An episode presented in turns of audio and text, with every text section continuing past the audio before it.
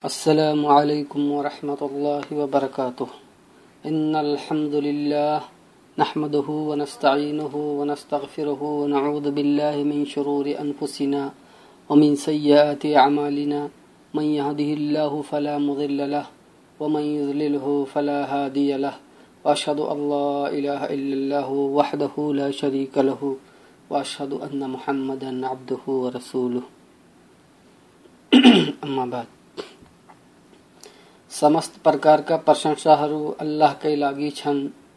हामी त्यसैको प्रशंसा गर्छौँ र त्यसैसित सहायता चाहन्छौँ र त्यससित क्षमा याचना गर्दछौँ र त्यसैबाट आफ्ना मनको बुराई र आफ्नो कुकर्मबाट शरण चाहन्छौँ।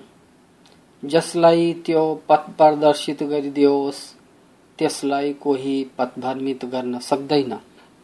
र जसलाई त्यो दिग्भ्रान्त गरिदियोस् त्यसलाई कोही पथ प्रदर्शन गर्न सक्दैन। र म साक्ष्य दिन्छु कि त्यस अल्लाह बाहेक कोही सत्य पूज्य छैन। त्यो एक्लै छ, त्यसको कोही सहभागी छैन। र म गवाही दिन्छु कि मोहम्मद सल्लल्लाहु अलैहि वसल्लम, त्यसका भक्त एवं संदेष्टा हुन्। म आजको यस शुभ अवसरमा तपाईँहरू समक्ष केही यस्ता अवैधानिक कार्यहरूको बारेमा चर्चा गर्नेछु। जुन अवैधानिक छन् तर मान्छेहरू त्यसलाई गर्दै आएका छन् र निसङ्कोच त्यसलाई गर्छन्। यसर्थ यसको बारेमा सबैलाई ज्ञान गराउनु हामीहरूको कर्तव्य हो। मेरो अल्लाहसित यो बिन्ती छ कि अल्लाह मलाई सत्य भन्ने र सत्य बमोजिम कार्यरत रहने सो अवसर प्रदान गरोस्। र हामी सबैलाई आफ्नो सोझो मार्ग इस्लाममाथि कार्यरत गराएर स्वर्गमा उच्च स्थान प्रदान गरोस्। आमीन। महान अल्लाहले केही अनिवार्य कार्यहरू निर्धारित गरेको छ, जसलाई त्याग्नु जायज़ छैन। र केही निर्धारित गरेको छ, जसको जायज़ छैन। र वर्जित गरेको जसलाई ग्राह्य गर्नु जायज़ छैन। रसूल सल्लल्लाहु अलैहि वसल्लम को फरमान छ, मा हल्लल्लाहु फ़ी किताबिही फहुव हलाल, वमा हर्रम फहुव हराम, वमा सकत अनहु फहुव आफिया। अर्थात जसलाई अल्लाहले आफ्नो किताबमा अर्थात ग्रन्थमा हलाल भनेको छ त्यो हलाल छ। र जसलाई हराम गरेको छ त्यो हराम छ। र जसमाथि चुप लाग्यो त्यसमा तिमीलाई छुट र स्वतन्त्रता प्रदान छ।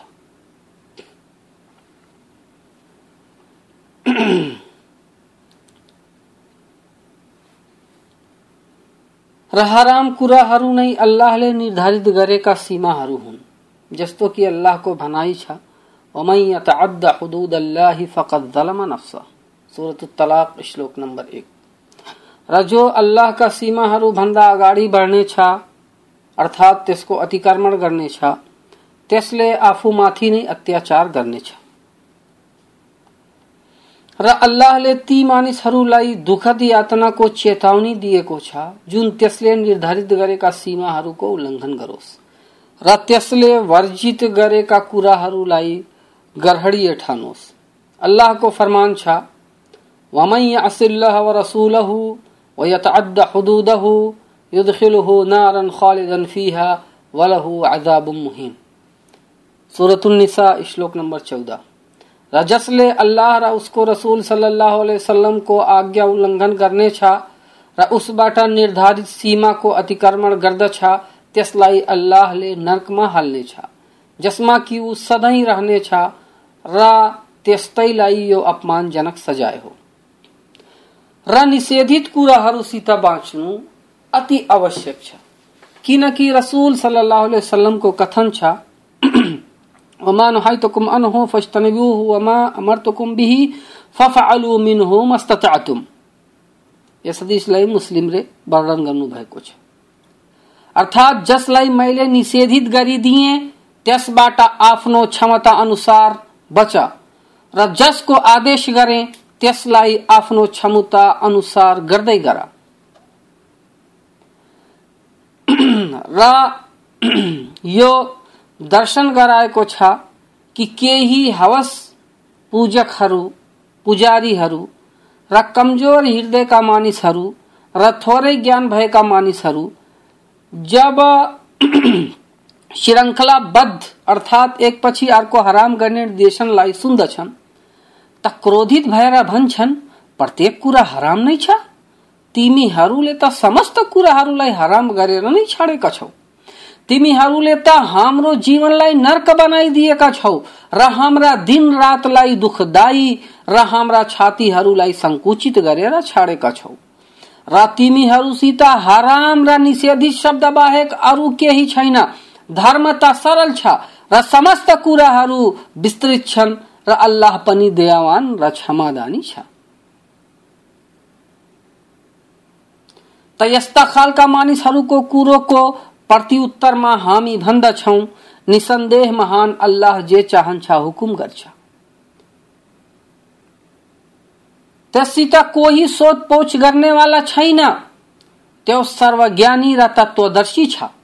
यसर्थ त्यो जसलाई चाहन्छ निषेधित गर्छ र जसलाई चाहन्छ ग्रहणीय गरिदिन्छ र अल्लाहको भक्तिका आधारहरू मध्ये यो पनि हो, कि हामी अल्लाहको हुकुमलाई मानेर त्यस अगाडि नतमस्तक भइहालौँ र अल्लाहले दिएका निर्देशनहरू त्यसको ज्ञान र तत्वदर्शिताद्वारा प्रचलित गरिएका छन्। र त्यसको निसाब व्यर्थ छैन, न त त्यो खेल नै हो। जस्तो कि अल्लाह को फरमान छ। वतम्मत कलिमतु रब्बिका सिदक़न व अदला, ला मुबद्दिल लिकलिमातिही व हुव समीउल अलीम। सूरतुल अनआम श्लोक नंबर 115 र तिम्रो पालनकर्ताको कुरा सत्यता र न्यायको दृष्टिले पूर्ण छ। त्यसको आदेश कसैले परिवर्तन गर्न सक्दैन र ऊ सबै सुन्दछ र जान्दछ र महान अल्लाहले ती आधार र कानून एवं विधिहरूलाई वर्णन गरेको छ, जुन हलाल र हराम कुराहरूको कसौटी हो। जस्तो कि अल्लाहको फरमान छ, वयुहिल्लु लहुमु तय्यबाति वयुहर्रिमु अलैहिमुल खबाइथ अर्थात, स्वच्छ कुरालाई हलाल बताउँछन्, र अपवित्र कुरालाई हराम बताउँछन्। सूरतुल्ला आराफ श्लोक नंबर एक सय सत्ताउन्न तसर्थ राम्रो र पवित्र कुराहरू हलाल छन्। र अपवित्र र अस्वच्छ एवं घृणित कुराहरू निषेधित र हराम छन्। यस इस्लाम धर्म। र हराम र हलाल गर्ने कार्य मात्र अल्लाहको हो। यसर्थ जुन मानिस हलाल हराम गर्ने कार्यलाई आफूसित संलग्न गरोस् वा कसै अरूको लागि जायज मानोस् त यस्तो मानिस काफिर र नास्तिक भयो र त्यसले ठूलो कुफ्र गर्यो जसद्वारा त्यो धर्मबाट निष्कासित भयो अल्लाहको फरमान छ अम लहुम शुरकाउ शरउ लहुम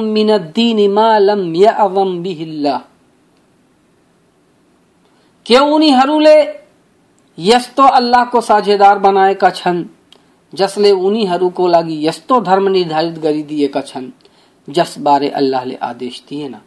सुरत सोरा श्लोक नम्बर एक्काइस। फेरि यो कुरो पनि छ कि कुनै व्यक्तिको लागि वैध छैन कि हलाल र हरामको बारेमा कुरा गरोस्। त्यस मान्छे बाहेक जुन कुरआन र हदिसको विद्ध होस् किनकि जुन मान्छे बिना ज्ञान हलाललाई हराम र हरामलाई हलाल गर्छ, त्यसको लागि सख्त चेतावनी दिइएको छ। अल्लाहको फरमान छ, जसको अर्थ हो आफ्नो मुखबाट कुनै झुट कुरा नगर। कि यो हलाल पवित्र छ र यो त्याज छ।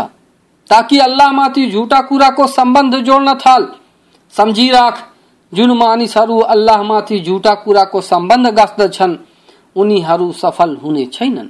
सुरतुन्नहल श्लोक नम्बर एक सय सोह्र। र प्रत्यक्ष रूपले हराम कुराहरूलाई कुरान र हदिसमा वर्णन गरिएको छ। जस्तो कि अल्लाहको फरमान छ, कुल तालो अतलु मा हर्रम रब्बुकुम अलैकुम अल्ला तुश्रिकु बिही वबिल वालिदैन इहसाना वला तक्तुलु औलादकुम मिन इमलाक नहनु नरजुकुकुम व इयाहुम वला तकरबुल फवाहिश मा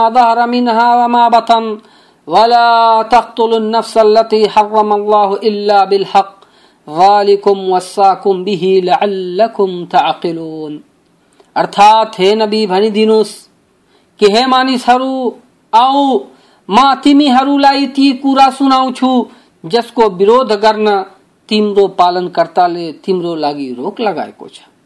ती हुन् कि कुनै कुरालाई अल्लाहसँग नदाँच्नु र आमा बाबुसँग राम्रो व्यवहार गर्नु र दरिद्रताको भयले आफ्नो सन्तानहरूलाई नमार्नु किनभने तिमीलाई र उनलाई हामीले नै जीविका प्रदान गर्दछौ र हरेक प्रकारको निर्लज कुराको नजिक नजानु, चाहे त्यो खुल्ला रूपमा होस् वा गोप्य रूपमा। र जुन प्राणीको ज्यान मार्न अल्लाहले रोक लगाएको छ, उसको ज्ञान न नलिनु तर यस नियमको पालनामा, हक इन्साफको निम्ति गरिएका बाहेक। यी कुराहरूको पालनाको लागि अल्लाहले तिमीलाई सचेत गरेको छ, कि तिमी बुझ्न सका। सुरतुल नाम श्लोक नंबर एक सौ एक्काउन्न र सुन्नत अर्थात् हदिसमा पनि धेरै हराम कुराहरूलाई वर्णन गरिएको छ। जसरी रसूल सल्लल्लाहु अलैहि कथन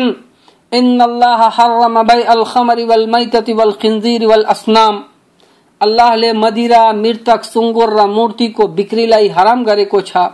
यसलाई अबु दाउदले वर्णन गर्नु भएको छ। हदिस नम्बर हज़ार चार सौ छियासी। र यस्तै रसूल सल्लल्लाहु अलैहि वसल्लमको यो कथन इन अल्लाह इदा हर्रम शैअन हर्रम समनहु जब अल्लाहले कुनै वस्तुलाई हराम गरिदिन्छ त त्यसलाई बिक्री गरेर प्राप्त गरिएको पैसालाई पनि हराम गरिदिन्छ। यसलाई दारु कुत्नुले भाग सात, पेज सातमा वर्णन गर्नु भएको छ। र कदाचित कहिले काहीँ केही श्लोकहरूद्वारा केही विशेष थरीहरूलाई निषेधित गरिन्छ। जसरी कि कुरानको यो श्लोक, जसको अर्थ हो, तिम्रो लागि मृतक जनावर र रगत र सुँगुरको मासु र जुन कुरामा अल्लाह बाहेक अरु अरू कसैको नाम पुकारिएको छ र जुन जनावरलाई घाँटी अठाइएर मारिन्छ र जुन कुनै चोट लागेबाट मर्छ र जुन कुनै अग्लो ठाउँबाट लडेर मर्छ र जुन कसैको सिंहको प्रहारबाट मर्दछ, यी सबै हराम र वर्जित छन्। र ती जनावरहरू पनि, जसलाई कुनै हिंसक पशुले चिथोरेर मारेको हुन्छ, तर जसलाई तिमीले मर्नुभन्दा अगाडि जब गरिहाल्छौ भने ती जनावरहरू वर्जित हुँदैनन्। र त्यस्ता जनावर पनि हराम छन्, जसलाई कुनै स्थानमा बलि गरिएको हुन्छ। र तीर चलाई भाग्यको खेल खेलेर मारिएको मासु पनि त्याजे छ। यी सबै नराम्रा काम हुन्। आज काफिरहरू तिम्रो धर्मबाट निराश भइसकेका छन्। खबरदार तिनीहरूसित नडर र मसित मात्र डर मान्ने गर।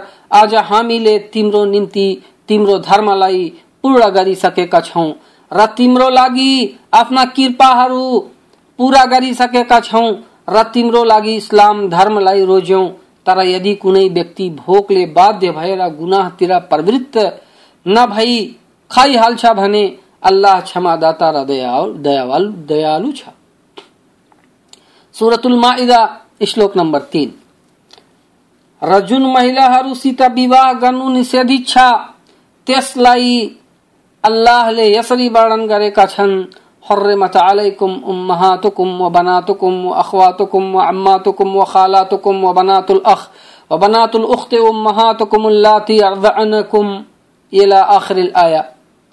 अर्थात तिम्रो लागि तिम्रा आमाहरू र छोरीहरू र दिदी बहिनीहरू र तिम्रा फुफूहरू र तिम्रा सानी आमा ठुली आमा र भतिजीहरू, र भान्जीहरू र तिम्रा ती आमाहरू जसले कि तिमीलाई दुध खुवाएका छिन् रेजाई दिदी बहिनीहरू र तिम्रा सासूहरू, रेजाई भनेको दुधिया दिदी बहिनीहरू र तिमीले तिम्रो गोदमा लालन पालन गरेको छोरीहरू, जुन सम्भोग गरेको महिलाबाट जन्मेका छन् तिम्रो लागि वर्जित हो, यदि तिमीले तिनीहरूसँग केटीको आमासँग यौन सम्बन्ध गरेका छैनौ भने तिमीलाई कुनै गुना छैन। अर्थात् विवाह गर्नुमा कुनै गुना छैन। र तिम्रा साखै छोराहरूका स्वास्नीहरू पनि र दुई दिदी बहिनीहरूलाई एकैसाथ बिहे गर्नु पनि त्याजे छ। तर विगतमा जे भयो, भइसक्यो, निसन्देह अल्लाह क्षमा गर्नेवाला र दयावान छ। सुरतुन्निसा सुरतुन्निसा श्लोक नंबर तेईस र यस्तै शर्म अर्थात कार्य लाभ एवं नफाहरूको बारेमा अल्लाहको फरमान छ अल्लदीन यअकुलून रिबा ला यकूमून इल्ला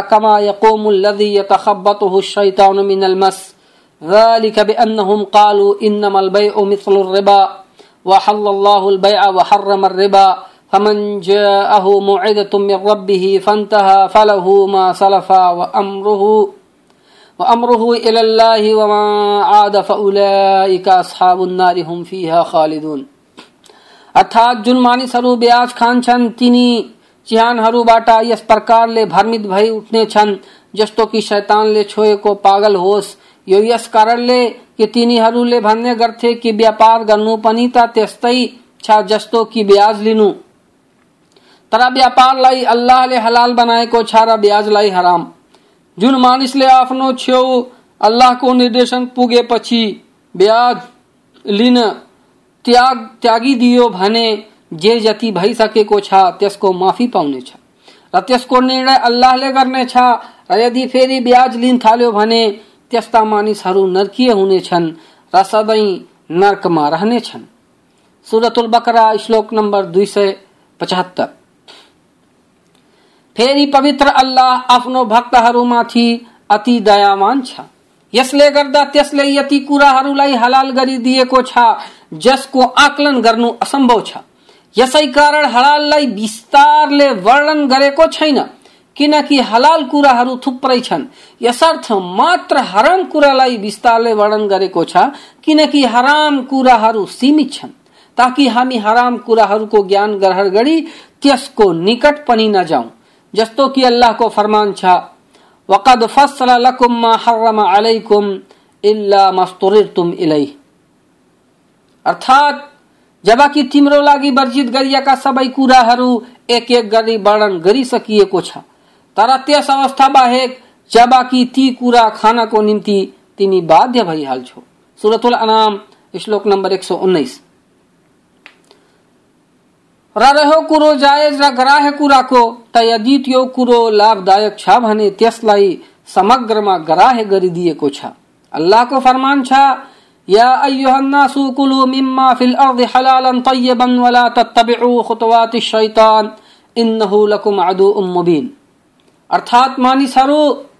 जति कुराहरू धरतीमा हलाल छन्, पवित्र छन्, ती खानु र पिउनु र शैतानको पदचिन्हहरूमा नहिर्नु त्यो तिम्रो खुल्लम खुल्ला शत्रु हो। सुरतुल बकरा, श्लोक नंबर एक सय अडसठी।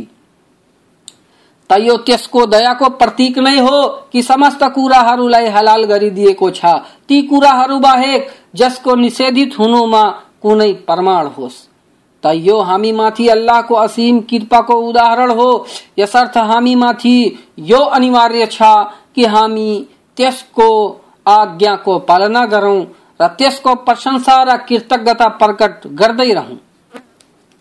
तर केही यस्ता मानिसहरू पनि छन्, जुन हरामलाई विस्तृत तरिकाले वर्णित गरिएको हेरेर यस्ता निर्देशनहरूबाट दुखी भइहाल्छन् र यो उनीहरूको दुर्बल र अपूर्ण आस्था र विधान प्रति अनभिज्ञताको कारण हुन्छ।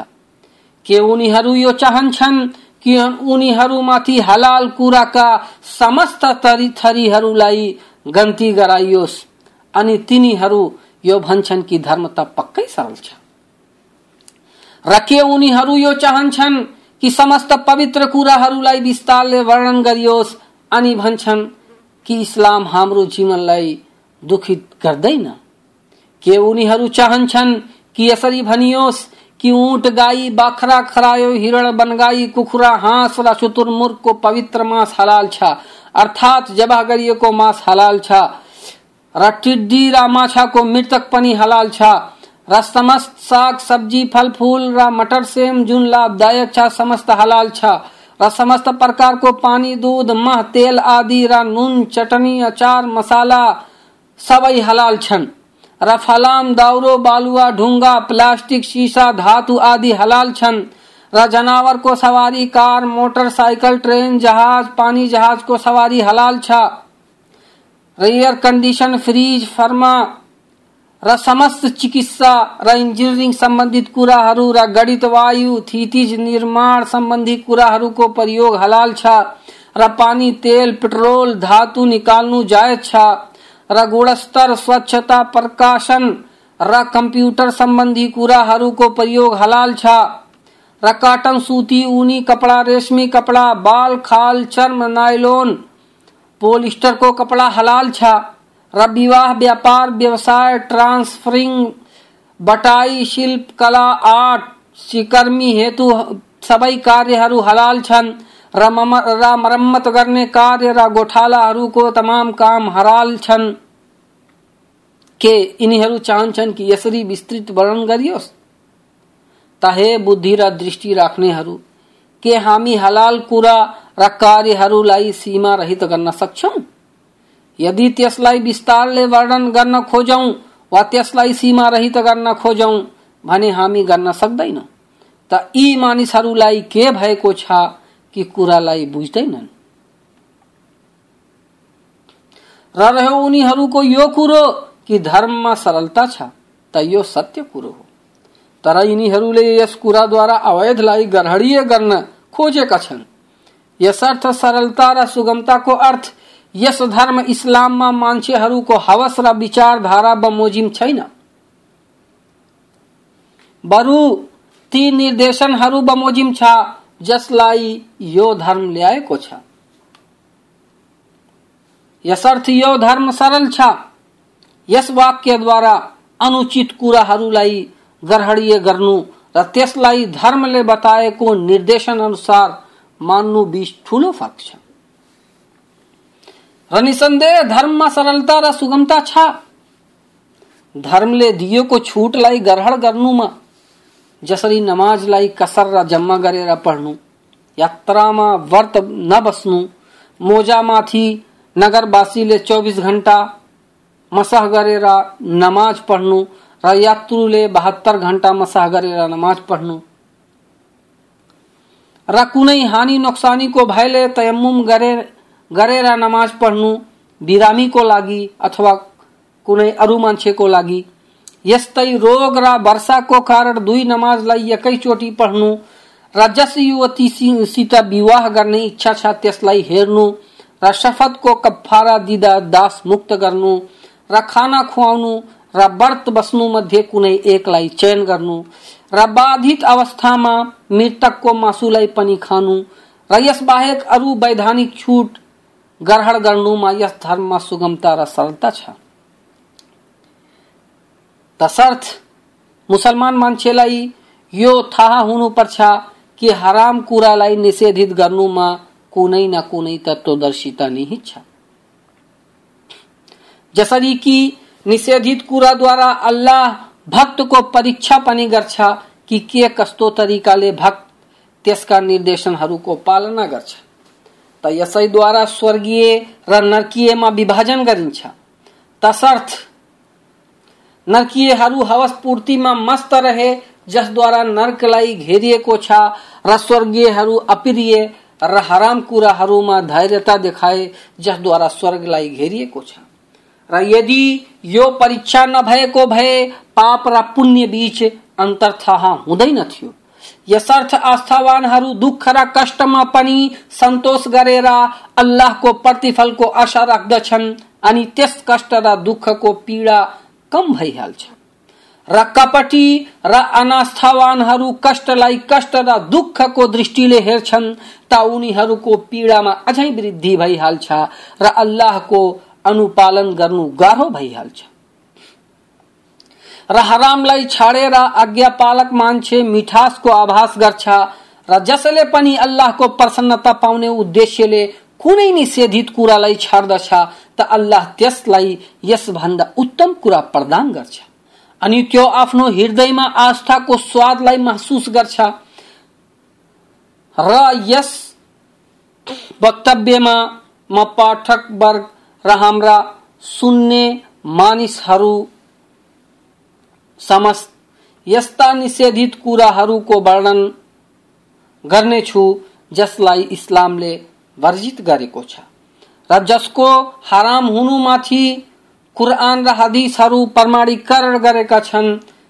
र यस विषयमा र यस विषयमा विभिन्न विद्धहरूले विभिन्न पुस्तकहरू लेखेका छन्। जसरी अल कबायर तम्बिहुल गाफिलिन अमालिल जाहिलिन आदि। ता यस्ता किताबहरूलाई पढेर यी कुराहरूको ज्ञान प्राप्त गर्नु हामीहरूमाथि अति अनिवार्य छ, अति आवश्यक छ। र अम्मा अल्लाहसित याचना गर्दछु कि अल्लाह मलाई र मेरो मुसलमान भाइहरूलाई पथ प्रदर्शन गरून् र आफ्नो सीमाहरूको अतिक्रमण गर्नुबाट र निषेधित कुराहरूबाट बाँच्नुमा हामीहरूको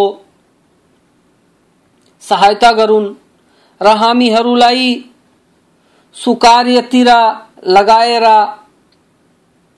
यस सांसारिक जीवनमा सफलता प्रदान गरून् किनकि यो जीवन, र परलौकिक जीवन दुवै जीवनमा यदि हामीलाई सुख शान्ति चाहिन्छ भने हामीलाई इस्लाम धर्म बमोजिम कार्यरत रहनु नै पर्छ।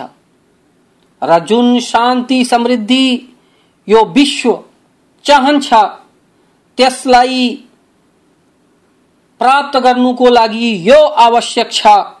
र मात्र मुसलमानहरूमाथि आवश्यक छैन, बरु पूर्ण संसारवासीहरूमाथि आवश्यक छ कि उनीहरू इस्लामका निर्देशनहरूमाथि कार्यरत हुन् र इस्लामलाई अङ्गालेर स्वर्ग प्राप्त गरून्, किनकि यस पूर्ण विश्वको सबैभन्दा सर्वोच्च र महानतम धर्म इस्लाम नै हो।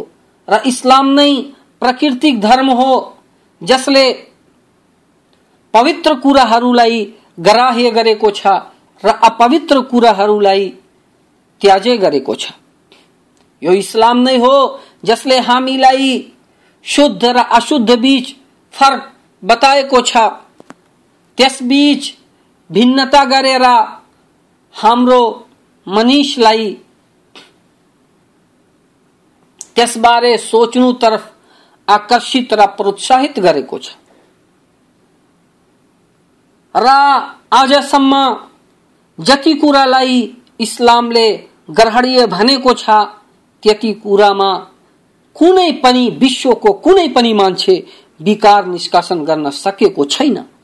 किनकि इस्लामले मात्र ती कुराहरूलाई ग्रहणीय गरेको छ, जुन पवित्र छन् र प्रकृति अनुकूल छन् र मात्र ती कुराहरूलाई त्याजेर हराम गरेको छ जुन अपवित्र छन्, र हाम्रो प्रकृति विपरीत छन्। त यसले गर्दा म आफ्ना समस्त सुन्ने दाजुभाइ र दिदी बहिनीहरूसित अनुरोध गर्दछु कि तपाईँहरू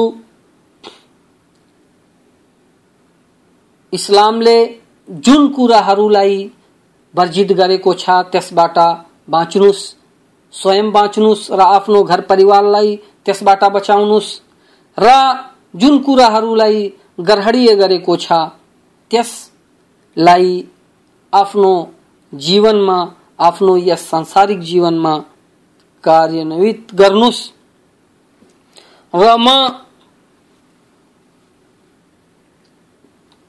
अगाडिको श्रृङ्खलामा अर्को बैठकमा तपाईँहरू समक्ष ती समस्त अवैधानिक कार्यहरूको वर्णन गर्नेछु जुन इस्लाममा त ग्राह्य छैनन्, अवैध छन्, तर त्यसलाई हाम्रो मुस्लिम समाज र खास गरी हाम्रो नेपाल देशमा मुसलमानहरू ग्रहणीय ठानेर गरिरहेका छन्। अब चाहे यो अनभिज्ञताको कारण होस् वा जानेर त्यसलाई गरिन्छ वा जानेर अल्लाहका निर्देशनहरूबाट मुख फर्काइन्छ। कारण केही होस् जे होस् त्यसबाट हामीलाई कुनै सरोकार छैन।